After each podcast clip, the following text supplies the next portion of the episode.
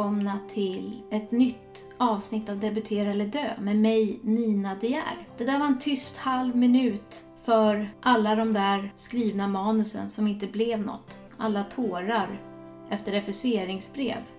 Det blir inte alltid som man tänkt sig och man kan inte alltid få det som man vill. Jag har nu fått mitt svar efter min långa väntan. Jag ska läsa upp det här innan vi kör igång med dagens intervju. Hej Nina! Ja, du har verkligen helt rätt. Det har tagit för lång tid för mig och förlaget att återkomma om Summertime Sadness. Det har tagit tid för att det är många personer som har läst manuset denna gång. Jag tycker att du har gjort stora förbättringar i texten. Jag ser att det är flera trådar som har rensats bort i nutiden. Tyvärr kommer jag ändå komma med ett negativt besked. Jag och förlaget har efter diskussioner och lång tvekan från min sida beslutat att tacka nej till en utgivning.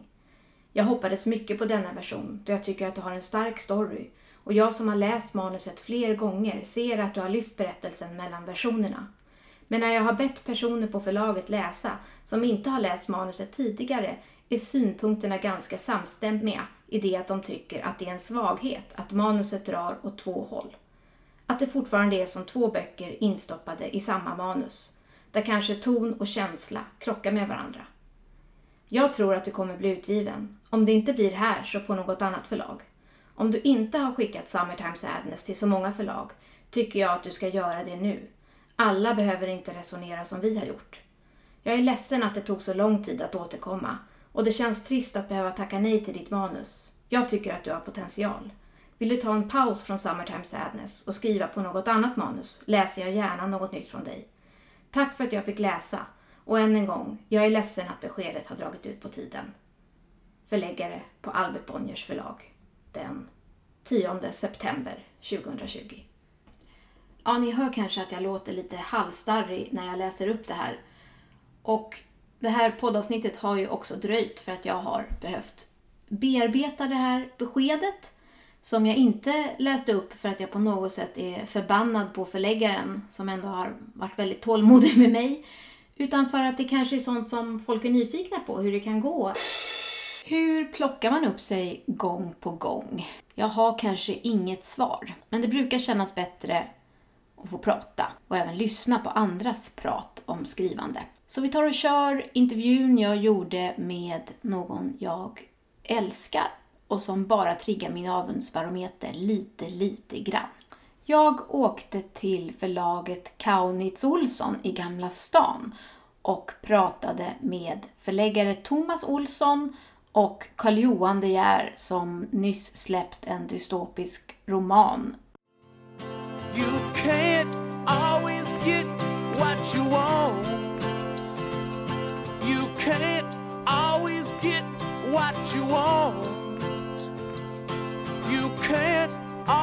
get what you want But if you try sometimes, well, you might find you get what you need.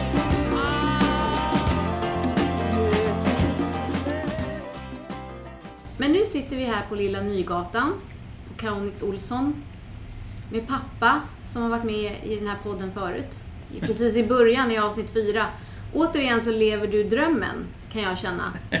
82, ja, ja. ny bok kommer ut. Mm. Fräscht förlag, Nina Hemmingsson som redaktör. Och Jan Löv som illustratör. Vad gör du ju... rätt gång på gång? Jag är då ja, men... 40 och känner ibland att jag borde lyckas debutera någon gång, men det blir... Det är sådana som ju... du som måste liksom ta ett kliv tillbaka snart, känner jag. Ja, jag vet att man kan upplevas som en propp. Den saken har diskuterats då och då.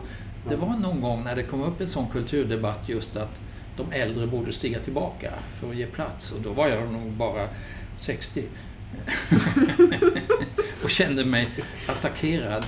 Men du lyssnade Men alltså min, min förlagshistoria är ju minst sagt bisarr och ofta nedslående för att min första bok, det var så att på Bonniers fanns en legendarisk förläggare som hette Åke Rönnqvist han var bland annat Bo Balderssons förläggare. Bo Baldersson var en pseudonym eh, som skrev politiska detektivromaner och eh, Många trodde att Åke Rundqvist var Bo Baldersson. Det var han inte. Men han hemlighöll ju vem det var. Och en del journalister höll på och la ner jättemycket grävjobb på att hitta Bo Baldersson och till slut tyckte de sig hitta honom att det fanns en svensk före detta lektor från någon skola som hade flyttat till Irland och som tog emot väldigt stora checker från bon, Albert Bonniers förlag.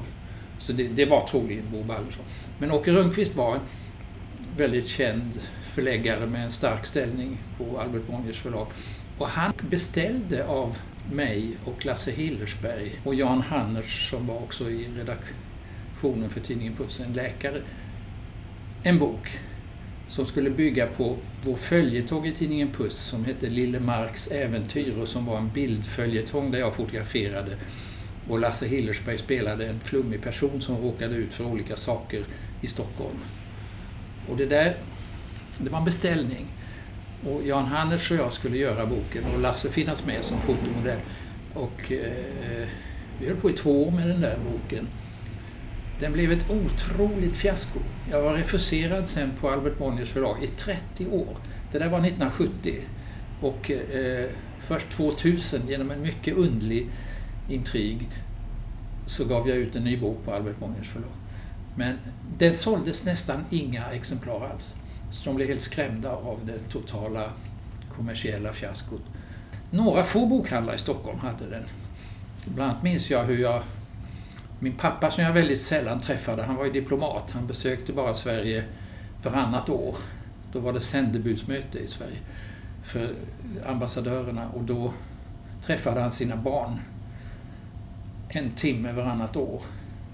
Och jag var ute och gick med honom i city och då fanns det en bokhandel som hette Fritzes Kungliga Hovbokhandel som låg hörnet av Drottninggatan och jag borta där nära regeringskansliet. Och då gick vi in där och jag sa pappa jag har gett ut en bok, jag ska visa dig den. Så gick jag in och frågade den här boken Pengar eller livet? Ja, den fick vi häromdagen. Vi skickade tillbaka alla böckerna. Det stod en naken kar alldeles här runt hörnet i boken och då hade jag poserat naken i en liten fontän som är utanför regeringskansliet. Det var inte regeringskansliet då, men Rosenbad. Där är en liten springbrunn. Och då hade vi hittat på någon detalj i handlingen så jag stod naken liksom och duschade i springbrunnen. Och då hade de blivit så upprörda på Fritzes kungliga hovbokhandel så att de ville inte ha, ha den boken. Så min pappa fick aldrig se den och det var väl tur det, han hade inte tyckt om den.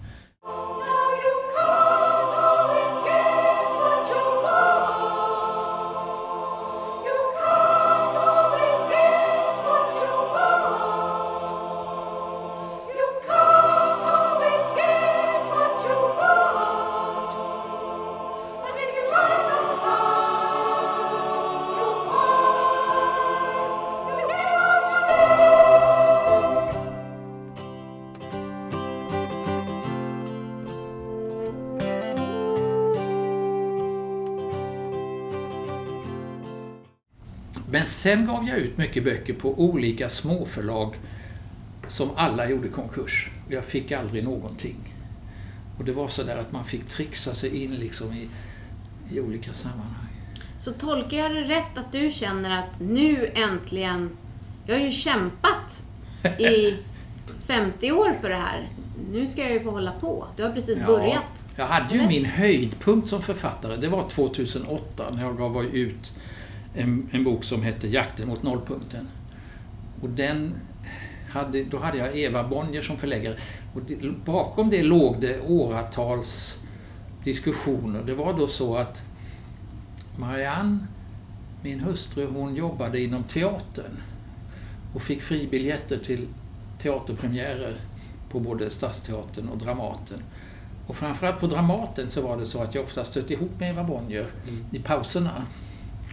Eh, och då diskuterade vi, jag frågade liksom om, jag, jag sa jag tänkte skriva en bok om, om min släkt och mitt liv och sådär. Och då var hon lite intresserad men vi hade olika åsikter om hur den skulle vara. Hon ville att den skulle vara försedd med fotografier.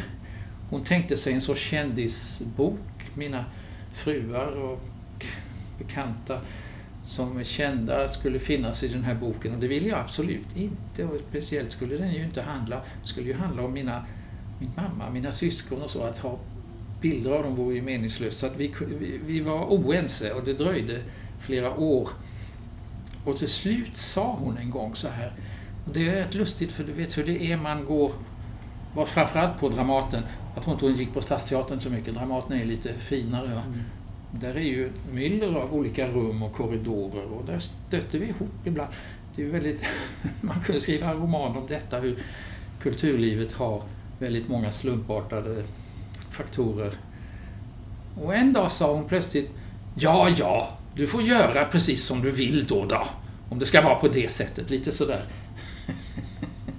och då, då blev det så småningom efter, det här är ju en process som tog flera år, eh, så blev det den här boken. Så att sammanlagt så kom den väl upp i mellan 25 och 30 000 exemplar. Det är jättebra. Ja, det är jättebra. Men sen kände jag mig, så kom jag med olika förslag till böcker.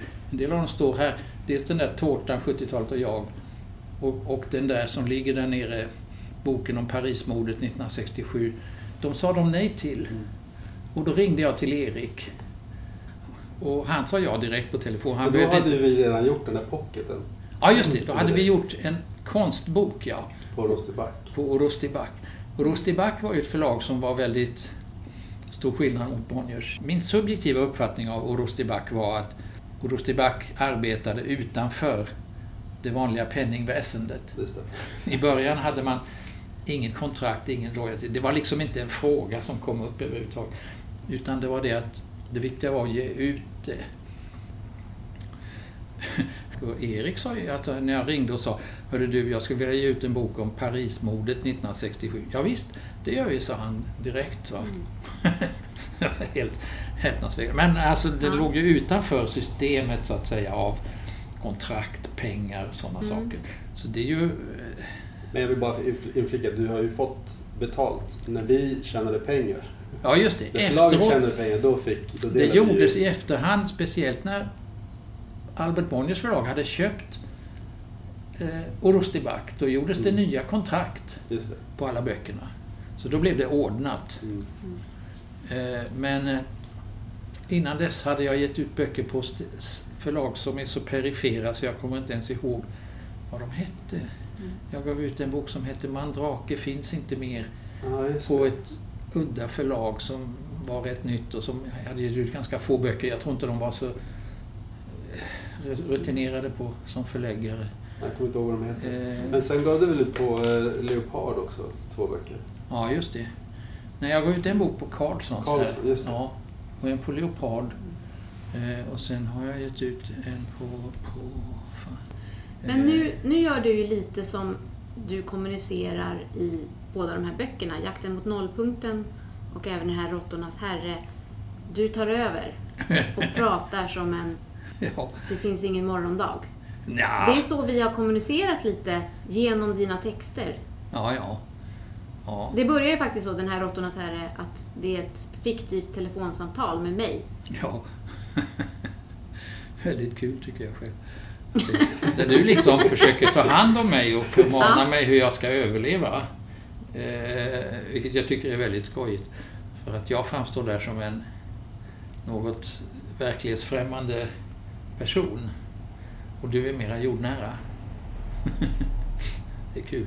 Men du, Ja. men jag- tar över ofta så, det har jag ofta grämt mig när jag, det har gjorts intervjuer med mig. Det är väldigt många, speciellt olika undergrundtidningar, kortlivade, har velat intervjua mig. Jag har haft en viss status efter Tårtan Mm. serien som en slags undergrundfigur. Och jag har ju alltid bara babblat på utan att lyssna på några frågor och sen efteråt har jag ångrat mig att nej, hur fan kunde jag? Jag borde ha hållit tyst. Men det är det som är bra med podd, man kan klippa ner. Ja, Så det, det är cool, helt enkelt. det är riktigt. Den här nya boken då, som du... Ja, Släpper. det, eh, Vad handlar den om? Råttornas herre, ja det är ju lustigt. Den utgår egentligen från ett kapitel i den förra science fiction-boken Tellus-syndromet. Och där finns det ett kapitel som handlar om en matlagningstävling. Det är en dröm som huvudpersonen, mitt alter ego, har på en, under en tupplur en eftermiddag. Och det kapitlet, det kanske är två och en halv sida, det har jag byggt ut till en hel, inte, inte särskilt lång, men till en hel bok i alla fall. Från en fiktiv värld som är väldigt otäck och där alla är sjuka och döende och har skörbjugg av brist på C-vitaminer och sånt. Och det lustiga var att jag höll på länge och skrev på det där. Och eh, sen frågade Thomas, ja, han ville ha en beskrivning, en sorts presstext, en beskrivning av handlingen. Och då tänkte jag, det skickar jag ikväll. Så upptäckte jag att det fanns ingen handling. Jag hade bara gjort miljöer som var hemska.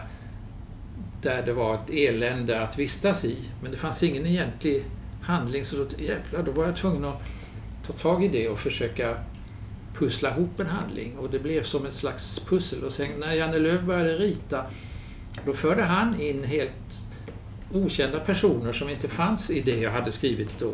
Till exempel prinsessan Victoria. Ett avslag som, där hon var den största figuren och hon var inte med.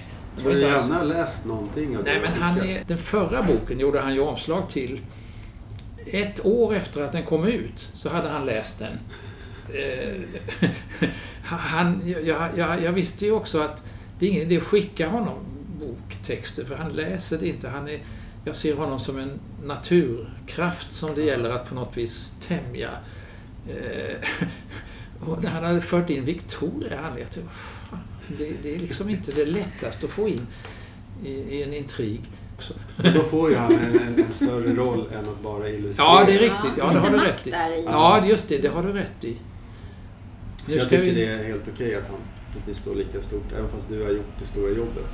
Men han har ju präglat Ja, ja, och jag vet ju också att han är så...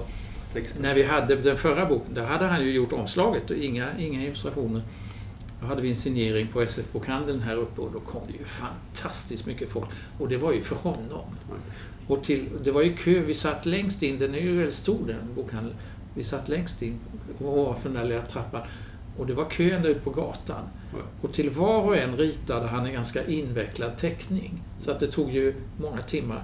Att, eh, med Bra sätt att behålla en lång kö. Ja, och då var det ju så att den som stod näst först i kön såg ju att den som var innan fick en väldigt invecklad teckning så då kunde han ju inte lägga ner den verksamheten. Men han är ju kul för att han är ju på ett sätt eremit och vill inte träffa någon. Men sen kan han lockas av en viss eh, publikkontakt. Eh, nu, han har ju gått med på att vara med på måndag. Ja. Göra ett inslag till Babel. Mm, vad kul. Filmad, alltså inte vara i studion utan... Ja, men det var ju ännu en sak att eh, hylla och vara lite avundsjuk på. Ny bok och ännu ett inslag på Babel. ja. ja.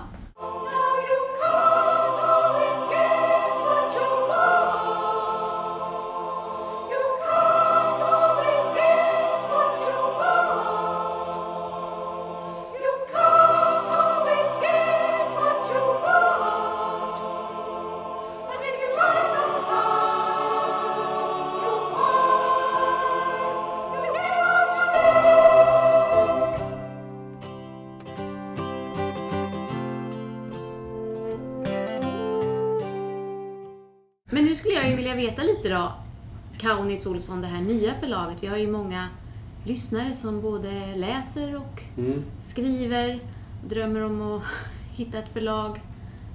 Vad, vad står ni för? Jag och eh, Martin, min kollega, driver förlaget. Vi... Eh, kommer, ja, ja, förlåt. Jag måste... Tjena, tja, tja. Hej. kommer en författare får kika på. Ja, fin bok. Tack så mycket. Bra. Hej, vill första? Ja, du ha Tycker du den här? Superfin. Ja, kul. Vad roligt. Grattis. Tack så mycket. Ja, vi hörs sen. Hej då, trevligt. Um, ja, men jag, jag jobbade på Kartago och Rosterback som då ägdes av Bonnier och träffade, eller hade kontakt med Martin Kaunitz som jobbade på Albert Bonniers förlag. Så vi började hänga på, på jobbet och sen var vi pappalediga samtidigt och började prata om hur vi saknade det lilla förlaget som Moros Tobak, som Carl Johan berättade om. Att det lilla, man började inte tänka... Att, det, det, var så lustfyllt allting. Det var roligt att träffa författare. På Bonnier till slut, inget ont om dem, men man kom väldigt långt ifrån författarna. De kunde inte... Liksom det var kod och så här, låsta dörrar i så många etapper bara för att komma in till kontoret. Ja, här var det just någon som damp in bara. Ja, Ja. och det är det som vi saknade och sen så insåg vi att vi ville ju liksom bestämma lite mer över vår tid. Så då började vi prata om det och sen så sa Martin upp sig och sen så sa jag upp mig. Och i augusti förra året så kom första boken. Och vi ska ha, vi ska vara ett litet allmänutgivande förlag. Vi ska ha tecknade serier, vi ska ha konstböcker, skönlitteratur, eh, sakprosa och poesi. Ska ha allt det. Men i liten skala som, som vi kan ta hand om alla författare. Och eh, ha kul på jobbet. Man kan säga att det är lite exempel här. Vi kunde bara dimpa in här med väldigt kort varsel Mm. och sitta och snacka. Ja, och det är så det ska vara, tycker jag. Man ska bara kunna komma förbi på en kaffe. Eh, och då uppstår de här mötena. Att det jag tror mycket kreativitet uppstår då också. Man inte behöver planera så mycket i förväg. Ja, nästa fredag ska jag gå förbi. Jag, får jag en halvtimme på förlaget. Då ska vi prata. Utan Karl-Johan är ju förbi ofta här och bara säger hej. Det är jättetrevligt. Ja, det är på tisdagarna när jag handlar i Gamla stans Ja. fiskaffär. Då är jag ju ändå precis bredvid. Så att vi, Mm. vi är bara ett år gamla nu, men eh, vi tänker väldigt långsiktigt att vi ska... Vi tänker så vad är vi om, om tio år? Och ha, ha det som... Eh, ha det tidsspannet och då blir det mycket roligare att jobba. Och vad letar ni efter? Ja, det som, man letar väl efter det som alla förlag letar efter, en riktigt bra eh, berättelse. Och hur, eh, i, vilket for, i vilken form den är i, det vet vi inte. Och, alltså, svaret på den frågan är, jag vet inte. Utan jag vill bli överraskad. Mm. Jag vill få ett manus som jag inte visste att jag ville ha. Med ett perspektiv eller eh, ett ämne som jag eh, inte visste att jag var jätteintresserad av. Att man inte, för att om man skulle svara på det, då skulle man ju bara säga det som är intressant idag. Men Mm. En författare som kommer på en, en idé eller liksom börjar skriva, den boken är ju kanske utgivningsklar om ett år eller ett och ett halvt. Och vad som är intressant då, det kan man inte svara på idag. Så därför är det väldigt viktigt att de som skriver inte försöker känna efter vad, liksom, vad, är, vad är det som säljer idag. Mm. Vad ska man skriva om eller vilket ämne ska man ta upp idag? För det är förmodligen inte så intressant om två år. Anledningen till att jag frågar det är att man ofta får det här rådet som aspirerande författare att du ska först ha kollat upp vad förlaget ger ut och vad de vill ha så att du kan liksom vart du ska rikta dig och inte skicka bara Ja. helt fel. Och samtidigt så vill förlagen bli överraskade. Så att jag tror att man ändå försöker söka liksom ett, ett mål för att det ska bli det mer personligt och att man ska få en kontakt med någon som gillar det man gör. Ja, Till exempel ger ni ut deckare. Björn som kom förbi precis nu Ja. och hämtade eh, första tryckta exet. Eh, han har skrivit en thriller, en samhällstriller. Ja. Så det är väl närmsta eh, deckare vi har, har gett ut. Men vi har, förutom det så har vi inga, inga deckare på listan. Men, eh, det kanske man kan skicka in. bra- Ja.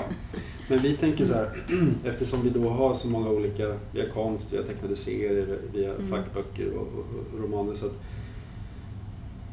vi, många serieförlag är ju nischade, att de bara ger ut serier.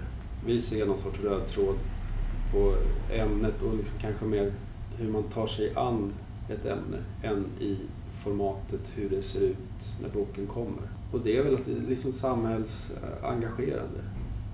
Det tycker jag. Mm. För ni har ju allt från då serier, jag vet inte om man kan säga grafiska romaner, men det är mycket bildböcker Mm. också. Och sen så har ni skönlitterära romaner. Ni har Ola Larsmo, Mm. Josas bok Ja, kom här. precis. Ja, så, och, och, och vi har Marianne Lindberg. Eh, vi har, har eh, sen Martina Montelius. Ja, vi har så mycket bra så jag kommer inte Ja. på allt. Men det är Ja. väldigt allmänt. Eh, kommersiella titlar och eh, konstnärliga titlar Mm. eh, blandat. Så att alla, eh, eh, alla manus är välkomna. Mm. Är ni ett politiskt förlag? Det är kanske en, en eh, så här förutfattad mening jag har, att ni, just det här samhällsengagemanget. Ja, nej. Inte, Nej. Alltså, det beror på vad du menar. Poli- inte Nej, om, om det är så eller- att det är liksom kanske mer till vänster än till höger. Eh, eh, Nej. Förlaget Ja. är helt eh, Oberoende. Ja, mm. och, och det tycker jag är eh, det fina om, om eh, böckerna som kommer ut kan ha vad ska man säga, är präglade både av eh, liksom, vissa böcker eh, åt höger och andra åt vänster. Att de kan få samsas på samma förlag. Det tycker jag är jättefint. Eh, Och att det kan bli en krock där. Att den krocken inte behöver vara ett, ett förlag ska bråka med ett annat förlag. Utan att det ska finnas utrymme för olika åsikter, olika politiska eh, tankar inom vissa ramar. Alltså Mm, ja. Någon sorts värdegrund. Men, men jag, jag tycker eh, absolut inte man ska... Eller vi är inte ett politiskt förlag eller har några sådana liksom, krav på böckerna. Nej. Lite humor gissar jag ändå att det, det finns. Ni har lite glimten i ögat. Ja, men vi, alltså, målet är att vi ska ha kul på jobbet. Ja.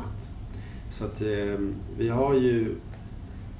Det är ett bokförlag och det är där liksom, huvudfokus ligger. Men vi, eh, parallellt med det så, så vill vi också göra annat.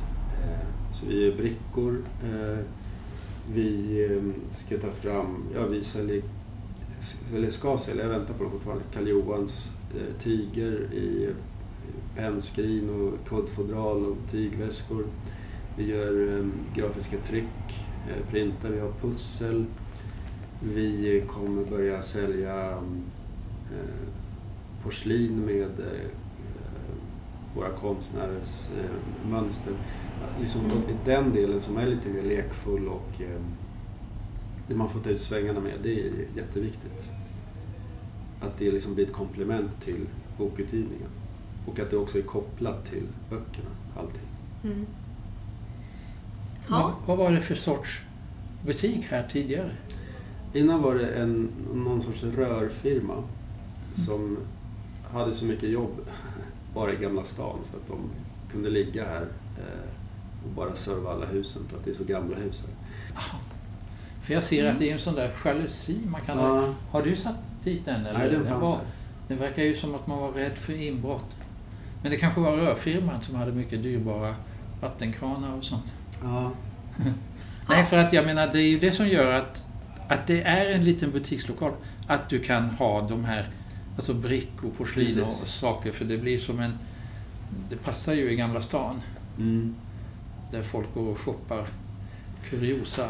Och det här läget är så himla bra också för att det är på lilla Nygatan. Stora Nygatan är ju gågata och eh, väldigt mycket turister och eh, ja, turister med ryggsäckar som går och välter. Jag har jobbat i seriebutiken där. Här är ju fortfarande bilgata så att det rör sig inte lika mycket folk här men de som vill hit hittar ju hit. Eh, för det är ju väldigt nära allting. Så man, man behöver inte stå i butiken så mycket. Utan de, de som kommer in, de brukar ofta veta vad de vill ha, så köper de. Mm. Så vi ska nu i... Vi skulle ha öppnat på riktigt i, i, i mars. Eh, men det är framskjutet nu så vi ska väl öppna butiken och ha så här riktiga öppettider. Så då sitter ni här bak och kanske jobbar med böcker eller texter och sen ändå så, så kränger ni lite brickor. Ja, Ja, det är ju en lite ny, liksom, ny överlevnadsstil i den här ja, branschen. Ja, det kan man Ja. säga. Ja. Det är långt från Bonniers och Norstedt. Det är. Alltså Bonnier Ja. har också sin lilla bokhandel där Ja. i Repan. Ehm, Jag var där igår. Alla jobbar hemma utom de i repan. Ja. Och Polaris och Volante, de har ju Gamla Stans Bokhandel, de som äg, driver den. Så att jag tror det är ganska vanligt. Och- Och just för bokförlag, alltså innan Corona, det är så viktigt med eh, mötet mellan författare och eh, läsare. Att det är där eh, man kan få liksom, upp en relation och det är där man kan sälja böcker direkt till slutkund och ehm, ja, men att det är väldigt viktigt det mötet. Och att då ha en egen lokal som de har med Gamla Stans bokhandel och som vi har här. Att vi kan ha författarsamtal, signeringar, mingel. Det är jätteviktigt. Mm. Aldrig bara gå in från gatan. Ingen portkod eller liksom sluss eller något sånt där. Nej, men här känner man sig ju hemma direkt. Ja. Som en sån här äh, som skriver, måste jag ju fråga, det finns en klassisk fråga som alla vill veta. Och det är det här hur ni ser på följebrevet. Hur viktigt är det? Det här för att ni ska ens öppna dokumentet, orka läsa första sidorna. Då vill jag först bara säga Ja. att vi eh, får in så enormt mycket manus. Ja, Eh, Jag tror det är snart uppe i 500. Jag vill bara förklara det att vi är, eh, jag tror många förlag kan vara lite sena på att svara på inskickade manus.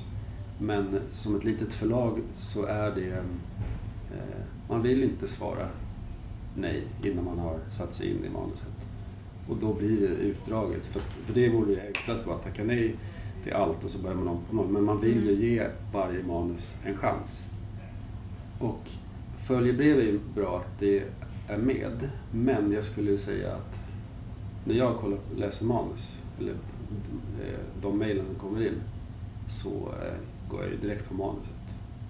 ja. Och om det är intressant, man läser, liksom, skummar lite, läser någon, liksom, någon stycke här bara för att få ett grepp om det är, liksom, är värt att gå vidare. Om det är någonting för oss. Och när man har gjort det och liksom, det här kan man, då läser man följebrevet.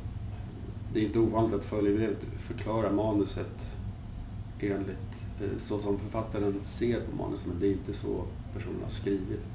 Det är inte det som boken är. Om du förstår. Mm. Man har en bild av vad man har skrivit. Men det är inte egentligen det man har skrivit, utan det är något annat. Så det är egentligen lite mindre intressant för er då, det här följebrevet? Ja, jag, jag läser efter. Ja. Jag läser, tittar på manuset. Men det är jättebra att det är där. Mm. Men du, 500 manus, det kan ju inte ni hinna som har jävligt mycket jobb. Har ni någon mer Vi, inblandad? ja, i, I början, ehm, alltså det är 500 på ett år. Ja. Ehm, men vi har med jämna mellanrum satt oss ner och gått igenom och så kanske från 100, 100 då kanske mm, 40 av dem är direkt kan vi säga det här är ingenting för oss. Det kan vara en, en diktsamling eller något sånt där som vi säger det här vi kan inte ta tag i. Så de går bort direkt och sen kanske 10 av de där 100 ser man att det här kan verkligen vara något. Och då skickar vi ut det till lektörer så att de får läsa, för de göra ett utlåtande och sen tar vi, sitter vi och pratar om det efter det. Så vi, tar, vi har hjälp av andra. Men har ni gett ut någon bok eller kommer ge ut någon som bygger på ett manus som bara kommit helt oväntat? Ett spontan manus. Ehm, ja, alltså... Ja, alltså jo, men det... Men, ja, det skulle jag säga är flera, men... Är det någon oetablerad kanske? i- i Nej, kanske inte är någon- oetablerad, men- utan det är ehm, någon som kanske har varit verksam länge och sen har ett projekt, letar förlag, hör av sig. Ehm, Mm. Men då har de kommit en bit. Mm. Och då kan man ju tacka, det har vi tackat ja till. Mm. Ehm, Men han som kom nu här, hur, hur fick ni den kontakten? Det är Martins eh, kontakt. Han är eh, krönikör på, i Resumé och i en krönika skrev han nu har jag lagt en sista hand på mitt manus. Nu ska jag leta efter ett förlag. Och Martin läste då Resumé, hörde av sig till honom direkt. Kan inte jag få läsa? Och sen Mm. eh, och nu är det en bok som eh, kom Mm. från tryck idag. Ja, men det här tar mig ju direkt in på spåret det där med hur man då blir etablerad för att man är ett wildcard som ingen vågar satsa på. Hur tar man nästa steg? Jag förstår att det är att man måste skapa någonting fantastiskt bra. Mm. Men ibland kan jag tycka att det nästan är omöjligt ändå för att förlagen måste vara grindvakter för att det kommer in så mycket Mm. manus. Så det kan vara ganska svårt att nå igenom bruset. Ja, alltså om, om man, har, man har någon sorts kontakt, om man får ett manus av någon som man någon gång har träffat, alltså, sånt där är ju mycket lättare. Just det, det är den Mm. där personen. Nu får jag det manuset. Eh, Jag ska inte säga att det kommer före i kön, eller så att man, men, men då kanske man vet lite mer vad det handlar om. Så att liksom ta, ta kontakt innan. Ja, alltså, ja det, är, det är jättesvårt. Eh, För man vill inte ha folk som bara ringer på heller. Nej. Nej, jag vet inte vad jag ska svara på det riktigt.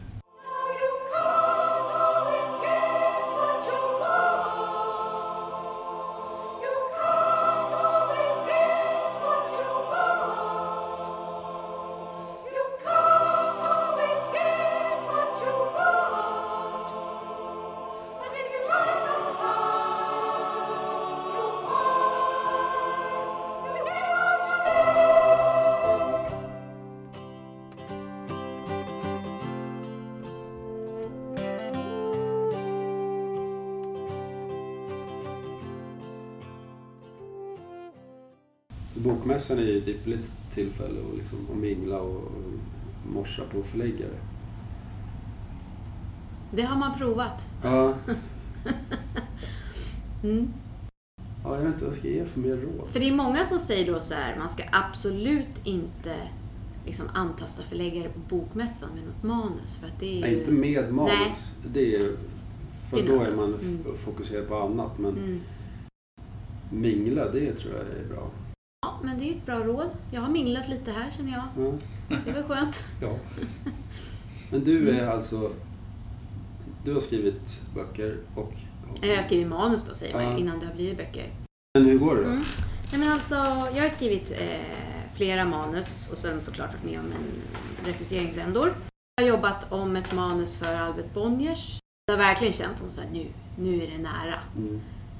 Och sen är det ju då att de har väldigt långa svarstider. Mm. Så att fast man har fått personlig feedback och det här är redan jättebra, eh, vi har läst, bla bla bla. Så får man svaret, men kan du flytta den vändpunkten och kan du ändra slutet och varmt välkommen tillbaka, vi ser verkligen fram emot att läsa. Och sen då har jag varit så här, okej, nu kör jag liksom ett halvår, man kokonar in sig och verkligen jobb, lagt mycket tid på det. Mm. Och så skickar man in igen och sen så går det tre månader, inget svar. Så går det sex månader, inget svar och så till slut så skickar man något litet försynt mejl så här. Förlåt, nu riskerar jag att vara en jobbig typ men hur gick det? Och så får man kanske inget svar. Mm. Och till slut kommer det komma något svar men det kommer kanske inte vara vad jag, vad jag trodde. Och gång på gång så förstår jag ju att man måste ju bara skriva någonting nytt. Mm. Men det är ju det är någonting lite snöpligt när man ändå verkar ha den här, att det närmar sig någonting. Men man får aldrig riktigt utrett. För kommunikationen är ju digital så att man ser ju inget ansiktsuttryck eller vet inte riktigt vad som har pågått. Om det är någon chef som har sagt nej eller... Nu är det en sån där väntegrej igen då att det har gått ett halvår från att jag skickade in. hur känns det? Efter ett halvår? Ja, hur känns det att vara i den eh, situationen? Nej men den har ju varit jättejobbig och nedbrytande. Jag har gjort det i, vad kan det vara, sex sju år. Att jag har varit i sådana här perioder. Man skickar in, väntar ett halvår, så får man ett besked. Jobbar ett halvår om, Mm. skickar in igen, väntar ett halvår. Men nu har jag ju känt att nu har jag hängt mitt liv på vänt i så många år. Och att man har den här anspänningen i kroppen. Nu när man har pulsklockor så kan jag ju se att jag har ju ofta en vilopuls på 150. Oj. För att jag helt enkelt har hjärtklappning för att jag bara vill ha ett besked. Mm. Och målet är då att utgiven på ett stort förlag, den här, den här boken, som, det här manuset. Målet har ju egentligen bara varit att först vill man ju se om det är något bra och Mm. utvecklas. Så det är inte så att jag bara måste komma ut på ett stort förlag. Men när man börjar skicka ut och få väldigt mycket svar så säger ju något, kan du stryka den där tidslinjen och göra det till en relationsroman? Mm. Eller kan du eh, bara ta bort relationen och bygga ut den här eh, mysteriet? Och, och, och, säger hon så då med, med någon sorts löfte eller? Nej, det är ju, all, det är ju aldrig något löfte. Det låter ju ganska eh, elakt. För då till slut, just kring det här projektet, nu blir det väldigt personligt, men då valde jag ju att gå på det stora förlagets idéer för att jag tyckte om dem. Som berörde mig och jag kände att det var dit jag ville gå med det här manuset. Och det var att bygga ut den ännu mer och utveckla Ja. den ännu mer till en roman. Och det kändes skönt för mig. Men nu i och med att de inte har svarat på ett halvår och jag då inte valde att göra det till en enklare relationsroman eller bygga ut det här som något annat förlag har sagt så känns det som att jag har målat in mig lite i ett hörn för att jag har gått all in på deras förslag och idéer och jag har gjort nästan som en sån checklista till punkt och pricka. Jag flyttar den vändpunkten till sidan så, jag ändrar slutet så att det här offret sker. Då blir det ju som att nu har jag ju gjort om produkten som de ville och sen så blir det som ett ingenting. Ja, jag vet inte hur... Det låter ju... För mig låter det lite... Eh, låter taskigt. Jag skulle aldrig gå in i ett manus och be folk skriva om och ändra efter... För det, är- allting är ju åsikter. Alltså en förläggare Mm. eller en redaktör har ju en åsikt. Det betyder inte att det är det bästa för boken utan det är vad den personen tycker är det bästa för manuset. Jag skulle aldrig gå in och peta om jag inte har en, en helt ärlig tanke om att det där ska vi ge ut. Jag skulle aldrig göra det för då, och det har jag gjort flera gånger, så att den här boken tycker jag du ska skriva om på det här sättet. Men det, är men det är ingenting för oss. Men jag tror att den skulle tjäna på det och då finns det andra förlag som är bättre. Det har jag sagt flera gånger. Men jag skulle aldrig gå in och peta liksom, och, och förvänta mig att få tillbaka en ny version om jag inte var beredd att gå hela vägen med det manuset. Mm. Aldrig. För det har jag väl ändå tänkt att det har så det har varit i den här situationen. Det är därför jag ändå har bara väntat och väntat och, och liksom varit deras bitch lite grann. Men eh, ja, så förstår man ju såklart att det, pandemin ändrar om allt och att Mm. många förlag tampas. Men min fråga nu är väl lite eftersom man till slut vill bli antagen att hur mycket man ska jobba utan kontrakt. Hur mycket man ska liksom ändra och försöka göra det till någon, ett förlags verk innan kontrakt. Ja. Det viktigaste måste väl ändå vara, eh, oavsett om, om, om det står AV på, på ryggen eller om, om du ut den eh, själv, att du är nöjd med eh, innehållet. Men till slut spelar det nästan ingen roll när man har kommit så långt in i det och hållit på så många år. Så finns det ju en besatthet vid att någon annan ska säga du, det är okej. Du är bra. Du Mm. kan få fortsätta göra det här. Så att det är... Jag kan inte riktigt gå tillbaks till att bara tänka, "Men vad ville jag? Jag söker ju kontakt. Det är väl ändå att man vill ha en dialog med andra Mm. människor när man försöker bli utgiven. Annars blir det monolog. Ja. Men du, har du kvar de första versionerna? Ja, men de var väl usla. Alltså det... Nej, men det är väl inte säkert. Alltså jag tänker på när man målar till exempel så att det är ofta så att något som är gjort spontant och snabbt kan vara bättre och sen när man börjar ångra sig och ändra så kan man försämra det. Ja, ja, det är svårt att veta till slut. Ja. Nej, men jag menar bara att Ja. då är det bra om man sparar Ja, de tidigare. Jag menar, det är ju lätt att göra i en dator. Men jag Ja. tänker också att de flesta förlagen har kanske liksom två, en eller två eller tre platser för debutanter. Mm. Det är väldigt eh, hård konkurrens om dem. Och jag tror inte, som vi pratade om tidigare, att de äldre måste ta ett steg tillbaka för att bra debutant kan man klämma in då. Man behöver de här äldre, de som är lite mer trygg, trygg man vet ungefär vad de säljer. En debutant är ju alltid en, eh, en risk, det är en chansning. Det kan floppa och det kan bli succé. Men, men man gör det för att man tycker att boken är bra, man tror på, på berättelsen. Så ja, jag vet inte vad, jag ska, vad jag kan ge dig för råd, men ehm, man ska ju lyssna på råd och så, men man, måste, man får inte heller tappa bort sig själv. nej. Då står det med ett manus, om de då efter liksom, bett dig ändra massa, massa vändor och sen så tackar de ändå nej till manuset om det blir så. Då står det med en version som du kanske inte riktigt eh, står för. Jag känner nog att jag gillar den nu så jag kanske Ja. får prova med andra förlag. När du fick då liksom eh, någon sorts napp på Albert Bonnier, slutade du skicka runt manuset till andra förlag då? Jag gjorde ju det i och med att jag valde att gå på deras Ja, linje. Jag hade ju fått massor med olika andra råd som jag Mm. inte gick på. för det där är så individuellt. Liksom, med att en måste hitta någon person bara på något förlag som, som tror på manuset. Då kommer Mm. det ges ut. Och sen så är det så mycket speciellt nu i Corona. Jag tror eh, de stora förlagen är nog extra försiktiga. Det vet jag inte, jag bara gissar. Ja. Så eh, skicka ut det till fler. Ja. Mm. Skicka ut. Så det kanske. Hello! Hej! Martin Krantz heter jag. Hej! Mitt poddinspelning. Gud vad kul att du kommer. Jaha, förlåt. Vad blev Nej, det? det är väl bra. Nej men det är perfekt. Det här är min dotter Ja. Nina. Tjena! Hej! Hej. Jag gör en podcast som heter Debutera eller dö. Ja, vi, vi är här och wallraffar lite, kolla vad ni gör. Berätta vad vi letar efter. vi letar efter eh, Kom, kom. spännande röster. Ja, men jag är Ja. på väg. Jag är på Ja, språng. förlåt. men du, har Björn varit här då? Han var här, han var glad. Var det? Ja. Jag blev så nervös när jag inte hörde något. Nej, men det jag sa det om att mingla på, på bokmässan. Det jag menar är väl Mm. egentligen kom fram, säg hej, lämna ett kort eller någonting. Eh, så att man får, alltså man kan koppla ett namn till, ett, till en person. Det, för mig så, är det, så underlättar det lite när man sen får det mejlet. Just det, den här personen träffade jag där. Och då sa den att på min eh, historisk roman om bla bla bla. Då får, då får man liksom ett sammanhang på, på mejlet. Mm. Ja, men det, det är bra råd. Här, här skickade jag till Thomas att han skulle ha just ett ansikte på. Oj. Titta, en himla söt bild tagen Ja. för kanske två år sedan. Så att nu...